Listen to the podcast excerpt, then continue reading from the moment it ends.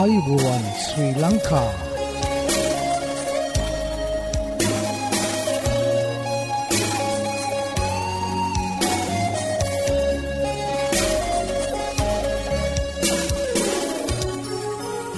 ඔබට සුපදවස මේ ඇඩවෙන්ටිස් වර්ල් රේඩියෝ බලාපොරොත්වය හඬයි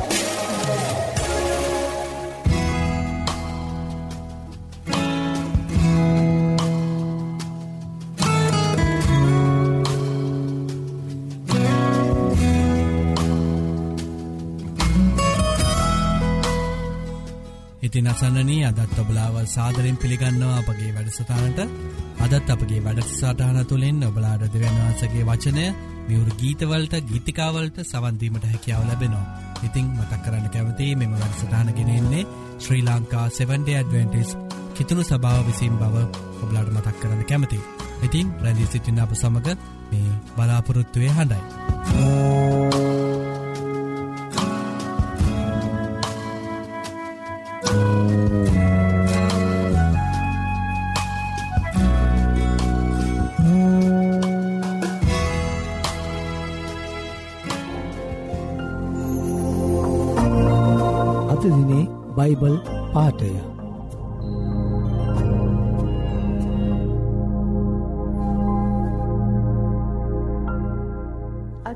අද බයිබල් පාටය ශුද්ධ වූ මතය උපතේ හයවැනි පරිච්චේදේ දහ නම වන පදය. පොළවෙහි නුඹලාට වස්තු රැස් කර නොතබන්න. එහිදී කාවෝත මලකඩ ඒවා නාස්ති කරති. සොරත උමං කැන සොරා ගනිති. නමුත් ස්වර්ගෙහි නුඹලාට වස්තු රැස්කර තබා ගන්න. එහිදී කාවෝවත් මලකඩවත් ඒවා නාස්තින කරති. සොරු උමං කැන සොරානු ගනිති. මක්නිසාද නුඹේ වස්තුව යම් තැනෙකිද නුබේ සිතත් එතෙන හිම වන්නේය. ආමෙන්.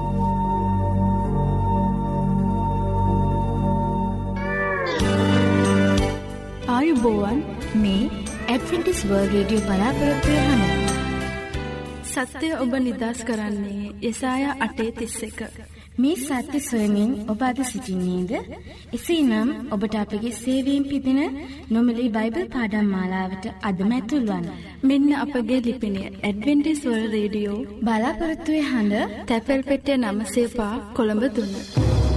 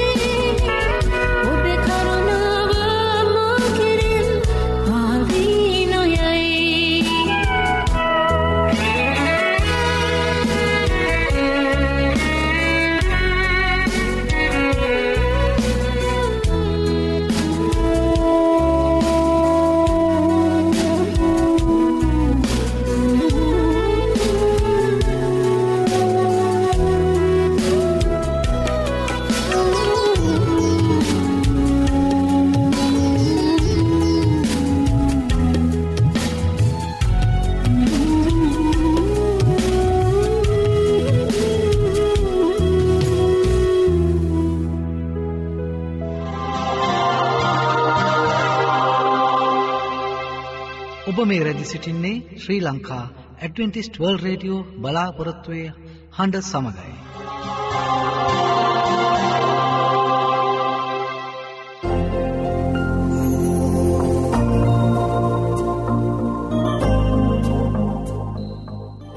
ඉතින් හිතවත හිතවතිය දැන් ඔබට ආරාධනා කරනවා අපහා එකතු වෙන්න කියලා අද දවසේ ධර්ම දේශනාවට සවන් දෙන්න.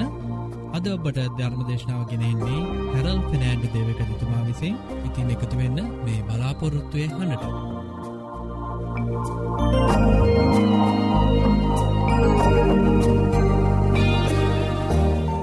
මගේ ප්‍රිය දූ දරුවනි අද මම ඔබව අමතන්නට යන්නේ දේව පොරොන්දු යන තේමාව යටතේ ඔබගේ සහභාගිත්වය ජේසුස් ක්‍රිස්තුස් වහන්සේ තුළ පමණයි කියන මාතෘකාව යටතෙයි.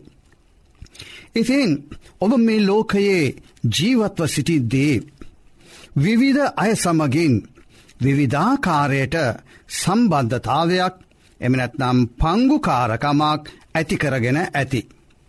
ඒවායේ ආදිනවත් ලබාගෙන තිබෙනවා වන්නට පුළුවන්. ඒක යහපත් වෙන්නත් පුළුවන් අයහපත් වෙන්නත් පුළුවන්. ඒ කෙසේ වනත් මේ පිළිබඳව යොහන්තුමා ඔබට මෙන්න මෙහෙම කියනවා. මොකක් පිළිබඳවද ඔබගේ සහභාගිත්වය තබාගත යුත්තේ ක්‍රිස්තුස් වහන්සේ සමඟ පමණයි කියන ඒ මාතෘකාව යටතේ. එක යොහන් ලිපියේ එකේ තුනෙන් ඔබව අමතන්නේ මෙන්න මෙහෙමයි. ඒ ජීවනය ප්‍රකාශකනු ලැබීය. ඒ ජීවනය ප්‍රකාශකනු ලැබීය. ඒ ජීවනය කියන්නේ ක්‍රිස්තුස් වහන්සේ තුළ තිබෙන්නාව ගැලවීම. අප ඒ දැක සාක්ෂි දෙමින්.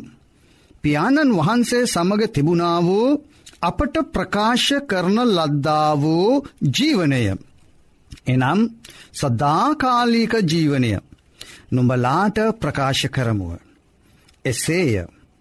අපේ පංගුකාරකම පියාණන් වහන්සේද ස්වකීය පුත්‍ර වූ ජේසුස් ක්‍රිස්තුස් වහන්සේ සමගය. එවගේම එකර කොරන්ති පොතේ එකේ නමයෙන් පාවුලුතුමා ඔබවට මෙන්න මෙහෙම අවවාද කරනවා.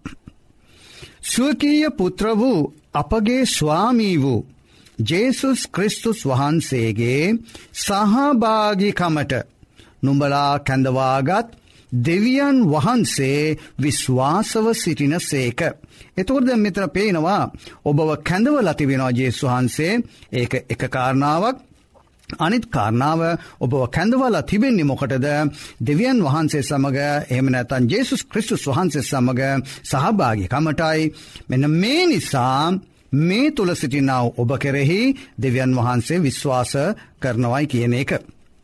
ඒ වගේ එලිදරව තුනේ විස්ස මෙහෙම නිතරම කියන මගේ ඉතාමත්ම ආසා කරන බයිබල් පාදයක් ඔබට මෙන්න මෙහෙම පවසනවා යොහන්තුමා. මෙන්න මම දොරළඟ සිට තට්ටු කරමි. යමෙක් මාගේ හඬ අසාදොර ඇරියොත් ඔහු වෙතට ඇතුල්ව ඔහු සමග කෑම කන්නෙමි. ඔහුද මා සමග කෑම කන්නේය. එතද මෙතන කියන්නේ මොකක්ද යමෙක් මාගේ හඬාස ඒ ඇන හැම කෙනාම නෙවෙයි එතකොට. එතුර ඔබ ක්‍රිස්සුස් වහන්සේව පිළිගන්නව නම් අන්න ඔබට තමයි මේ කියන්නේ. එතුරගෙන යමෙක් මාගේ හඬාස දොර ඇරියොත්න් දොර ඇරියොත්න්. ඇතකොට එතනත් පොඩි ප්‍රශ්නාර්ථයක් තිබෙනවා.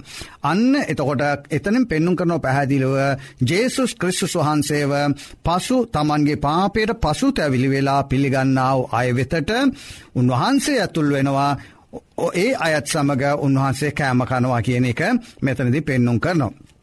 ඒ වගේම යළිත් යොහන්තුමා දාහතරවෙනි පරිච්චේදයේ විසි තුන්වෙනි පදය ඔබට මෙහෙම කියනවා.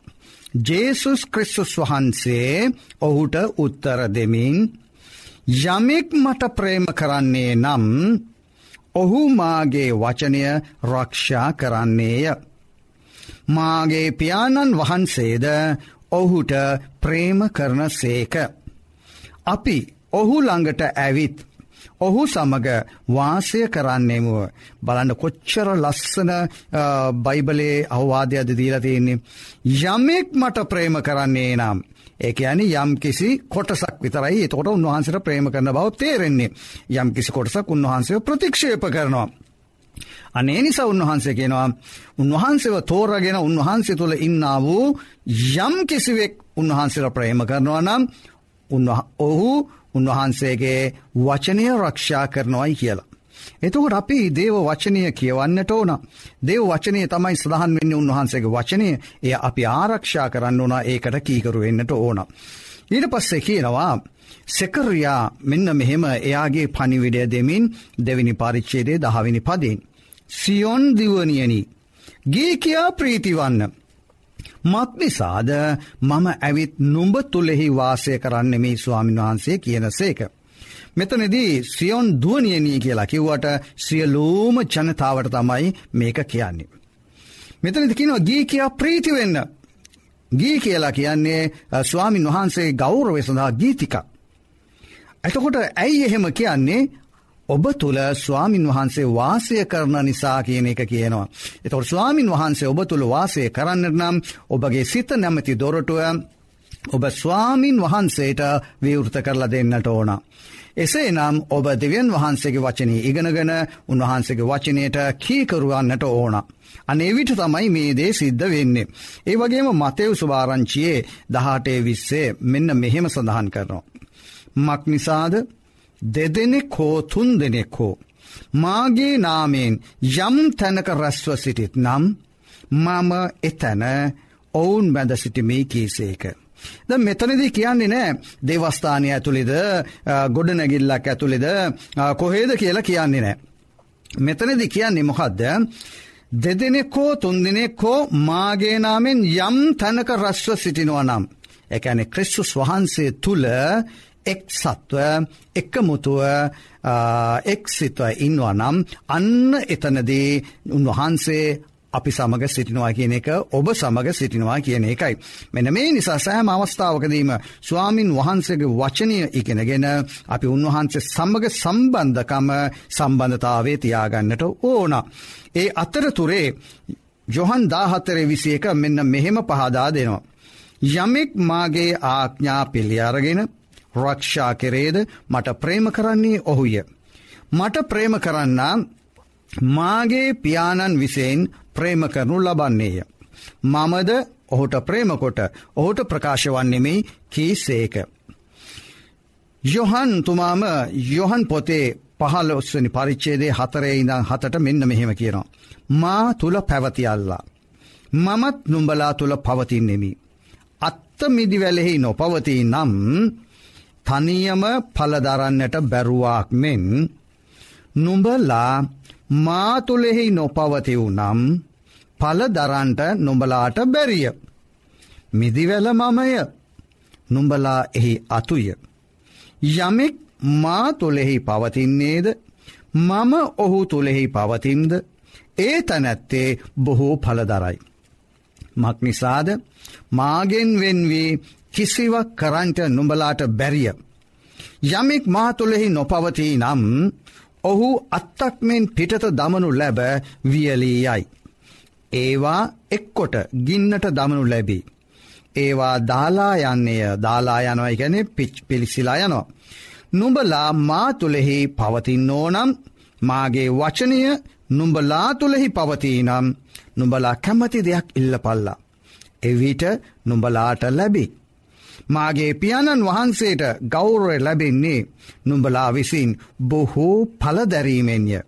මෙසේ නුඹලා මාගේ ගෝලයෝ වන්න හොය බලන්න මෙතනෙදි ජෙස් වහන්සේ කියනවා ඔබත් මමත් අපි සියල්ලෝම උන්වහන්සේගේ ගෝලයෝ වන්නේ කොයි ආකාරයෙන්ද කියලා එහෙනම් අපි පලදැරිය යුතුයි.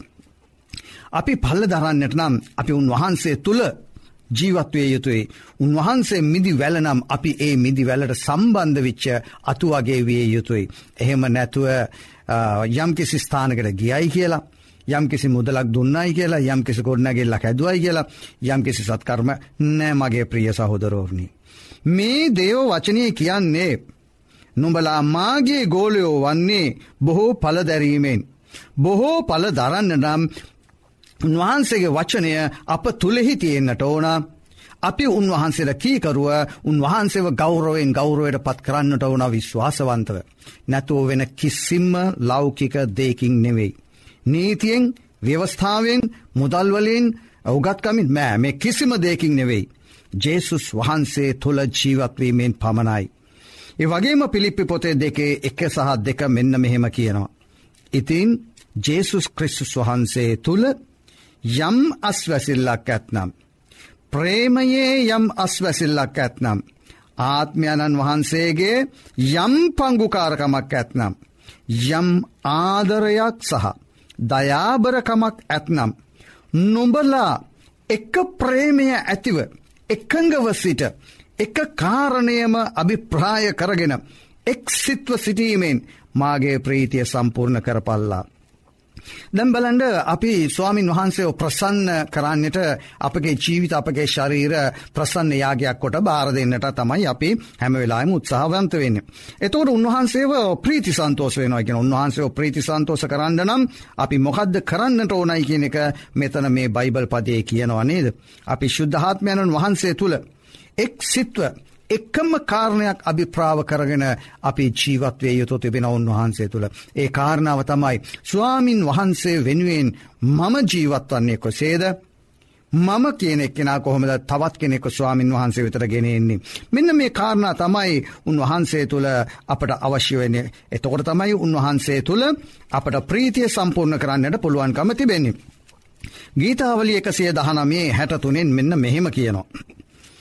ඔබ මම ඔබ කෙරෙහි භය ඇති සියල්ලන්ගේද ඔබගේ නියෝග පවත්වන්නන්ගේද සමාගම්කාරයෙක් වෙමි. එපිසවරුන්ට පවුලතුමාලියන් ලද හසුන් පතේ එපිස පහේ දෙක සහ දහනමය තිහ මෙන්න මෙහෙම කියනවා. මේ බයිබල් පද තුනම. ක්‍රිස්තුස් වහන්සේ නුඹලාට ප්‍රේමකොට මිහිරි සුවඳක් පිණිස දෙවියන් වහන්සේට පූචාවක්ද. යාගයක්ද කොට. අප වෙනුවට ද මෙතන අප කියලා ඉදේ වචනය සඳහන් වෙන මෙතැට ඔබ කියලතිය දාගත්තොත් එම නැත මම කියලා දාගත්තොත් මම වෙනුවට තමන්ම පාවා දුන්නාක් මෙන්ම නුඹලාත් ප්‍රේමීන් හැසිරියල්ලා මතකතියාගන්න ජෙසුස් වහන්සේ කොච්චර ප්‍රේමීන් හැසුරුනාද අන්න ඒ ප්‍රේමය අපි තුළ තිබෙනවනම් පමණයි අපට ස්වාමින් වහන්සේ සමඟ සම්බන්ධතාවේ තබාගන්නට පුළුවන්කම තිබෙන්නේ. ඉට පස්සගෙන නමුත් ආත්මයණන්ගෙන් පූර්ණ වී ගීතිකාවලින්ද කවිවලින්ද ආත්මික ගීවලින්ද එකින් එකාට කතහකොට. නුඹලාගේ සිත්වලින් ස්වාමින් වහන්සේට ගායනාද ගීතිකාද කරමින් අපගේ ස්වාමී වූ ජේසුස් ක්‍රිස්තුස් වහන්සේගේ නාමයෙන් සියලු දේ ගැන. පිය වූ දෙවියන් වහන්සේට නිතරම ස්තුති කරන්න කියලා සඳහන් වෙනවා. ද මේ මෙතන මේ මනුෂ්‍ය ඉගැන්වීමක් මෙතර සඳහන් වෙලා නෑ. සභාවක හෝ යම්කිසි කණ්ඩායමක හෝ සමාගමක හෝ නීතියක් රීතියක් මෙතන සඳහන් වෙලා නෑ. ඔබට ලස්සට පේනවා ස්වාමින් වහන්සේ තුළ ප්‍රේමයෙන් යුක්තව ප්‍රේමයෙන් යුක්තව අපි ස්වාමින් වහන්සේ තුළ ජීවත්වෙන්ට ඕනයි කියන එක. ඒ වගේම අපි උන්වහන්සේගේ ශරීරයේ අවයවයෝය අවසාන වසයෙන් යොහන්තුමා පවසන දේ බලමු එක යොහන් පොත එකේ පහහිදං හතර මෙන්න මෙහෙම කියනවා. අප විසින් අප විසින් ද මේ අප කියන තැනට ඔබ හිතේතියාගෙන මා විසින් කියලා. මා විසින් උන්වහන්සේගෙන් අසා තිබෙන්න්නා වූ නුඹලාට දන්වන්නා වූ පනිවිඩිය නම් ද මමත් ඔබට දෙන පනිවිඩිය මෙන්න මේකයි. දෙවියන් වහන්සේ ආලෝකය බවත් උන්වහන්සේ තුළ කිසිම අන්දකාරයක් නැති බවත්ය. අපි උන්වහන්සේ සමඟ පංගු කාරකම ඇතැයි කියමින් අන්දකාරයෙහි හැසිරෙමුනම් අපි බොරු කියනවා මිස සැබෑව නොකර සිටින්නෙමුව. නමුත් උන්වහන්සේ ආලෝකෙහි සිරින්නා සේම අපිත් ආලෝකෙහි හැසිරෙමුන් නම් අපට එකිනෙක සමග පංගුකාරකම ඇත්තේය. උන්වහන්සේගේ පුත්‍ර වූ ජේසුස් ක්‍රිස්තුස් වහන්සේගේ ලේද සියලු පාපවලින් අප පවිත්‍ර කරන්නේය. මෙතනදි මම කියන්න ආසයි මෙන්න මෙහෙම. උන්වහන්සගේ පුත්‍ර වූ ජේසුස් ක්‍රිස්තුස් වහන්සේගේ ලේද සියලු පාපවලින් මාව පවිත්‍ර කරන්නේය කියලා. මගේ ප්‍රිය දරුවනී අපගේ පාපයෙන් අපගේ දුර්වලකාමින් අපි පවිත්‍රවෙන්නට නම් ජේසුස් ක්‍රිස්තුස් වහන්සේ සමඟ සහභාගිත්වය තබාගත යුතුයි. උන්වහන්සේ සමඟ සම්බන්ධතාවය තබාගත යුතුයි. තව බොහෝ බයිබල් පදෝබට ඉදිරිපත් කරන්න පුළුවන් වුණත් කාලවේලා වනුව අදට මං මෙතරින් නිශ්ශබ්ද වෙනවා. ඔබ මතකතියාගන්න මේ දුන්නාව ඔවදන්ටික ජේසුස් ක්‍රිස්තුස් වහන්සේ සමඟ සම්බන්ධතාවය තබාගන්න. මේ කළ හැක්කේ ප්‍රේමය තුළින් පමණයි වෙන කිසිම දෙයකින් බැහැ. නීතිය තුළින් ව්‍යවස්ථාව තුළින් වෙනත් වෙනත් ලෞකක දෙවල්වලින් බැහැ. ක්‍රිස්තුස් වහන්සේ අපට පෙන්නවා වූ ප්‍රේමය තුළින් පමණයි. ඔබට ජෙසුස් ක්‍රිස්තුස් වහන්සේගේ ඒ ප්‍රේමය අත්වේවායි කියලා මං ප්‍රාර්ථනා කරනවා. අපි යාඥා කරමු. ස්වර්ගේ වැඩ සිටින අපගේ මහෝත්තම උතුම් දෙවිපාණනී. ඔබවහන්සේ අපගේ දුර්වලකම දැකලා අපගේ අපවිත්‍රකම දැකලා ඔබගේ ඒක චාතක පුත්‍ර වූ ජේසුස් ක්‍රිස්තුස් වහන්සේව අප වෙනුවෙන් මේ ලෝකයට පූචාවක් වෙන් එවූ නිසා ස්තුතිවන්ත වෙනවා. ජේසු සමින්ධානනී ඔබ වහන්සේ මගේ ගැලවුම් කාරයානෝය මගේ මිත්‍රයානෝය. ඔබ වහන්සේ මගේ මිදුම් කරුවානෝය ඔබ වහන්සේයි මගේ පාපයට සමාව දෙන්නට මේ ලෝකෙට ආවී. ඔබ වහන්සේට පමණයි මාව මගේ වර්ධකාරකමෙන් මුදවා ගන්නට පුළුවන්කම තිබෙන්නේ ඒ නිසා පළමුුවෙන් වහන්සේ මාව භාරාරගෙන මාව පිරිසිදු කරන්න. ඒ තුළින් ඔබහන්සේ ඒ ප්‍රේමේ පනිවිඩිය අන් අයට ගෙනියන්නට අන් අයට කියා දෙන්නට මාව පාවිච්චි කරන්න ජේසු සමිඳුනී මගේ ජීවිතී තාමත්ම අපවිත්‍රයි. අපිරිසිදුයි ඔබ වහන්සේ ඒ ජීවිතය මගේ චරිතය පිරිසිදු කරන්න ඔබට මම භාරවන්නෙමි. ජේසුස් ක්‍රිස්තුස් වහන්සේගේ නාමින් ඉල්ලා සිටිමේ ආමේෙන්. සත්‍යය ඔබ නිදස් කරන්නේ යසාය අටේ තිස්ස එක. මේ සත්‍ය සොයමින් ඔබ අද සිසිින්නේද. එසේ නම් ඔබට අපගේ සේවීම් පිදින නොමලි බයිබල් පාඩම් මාලාවට අදමැතුල්වන්. මෙන්න අපගේ ලිපිනේ ඇඩවෙන්ටිස්වල් රේඩියෝ බලාපොරත්තුවය හඬ තැපැල් පෙටිය නමසේපා කොළඹ දුන්න.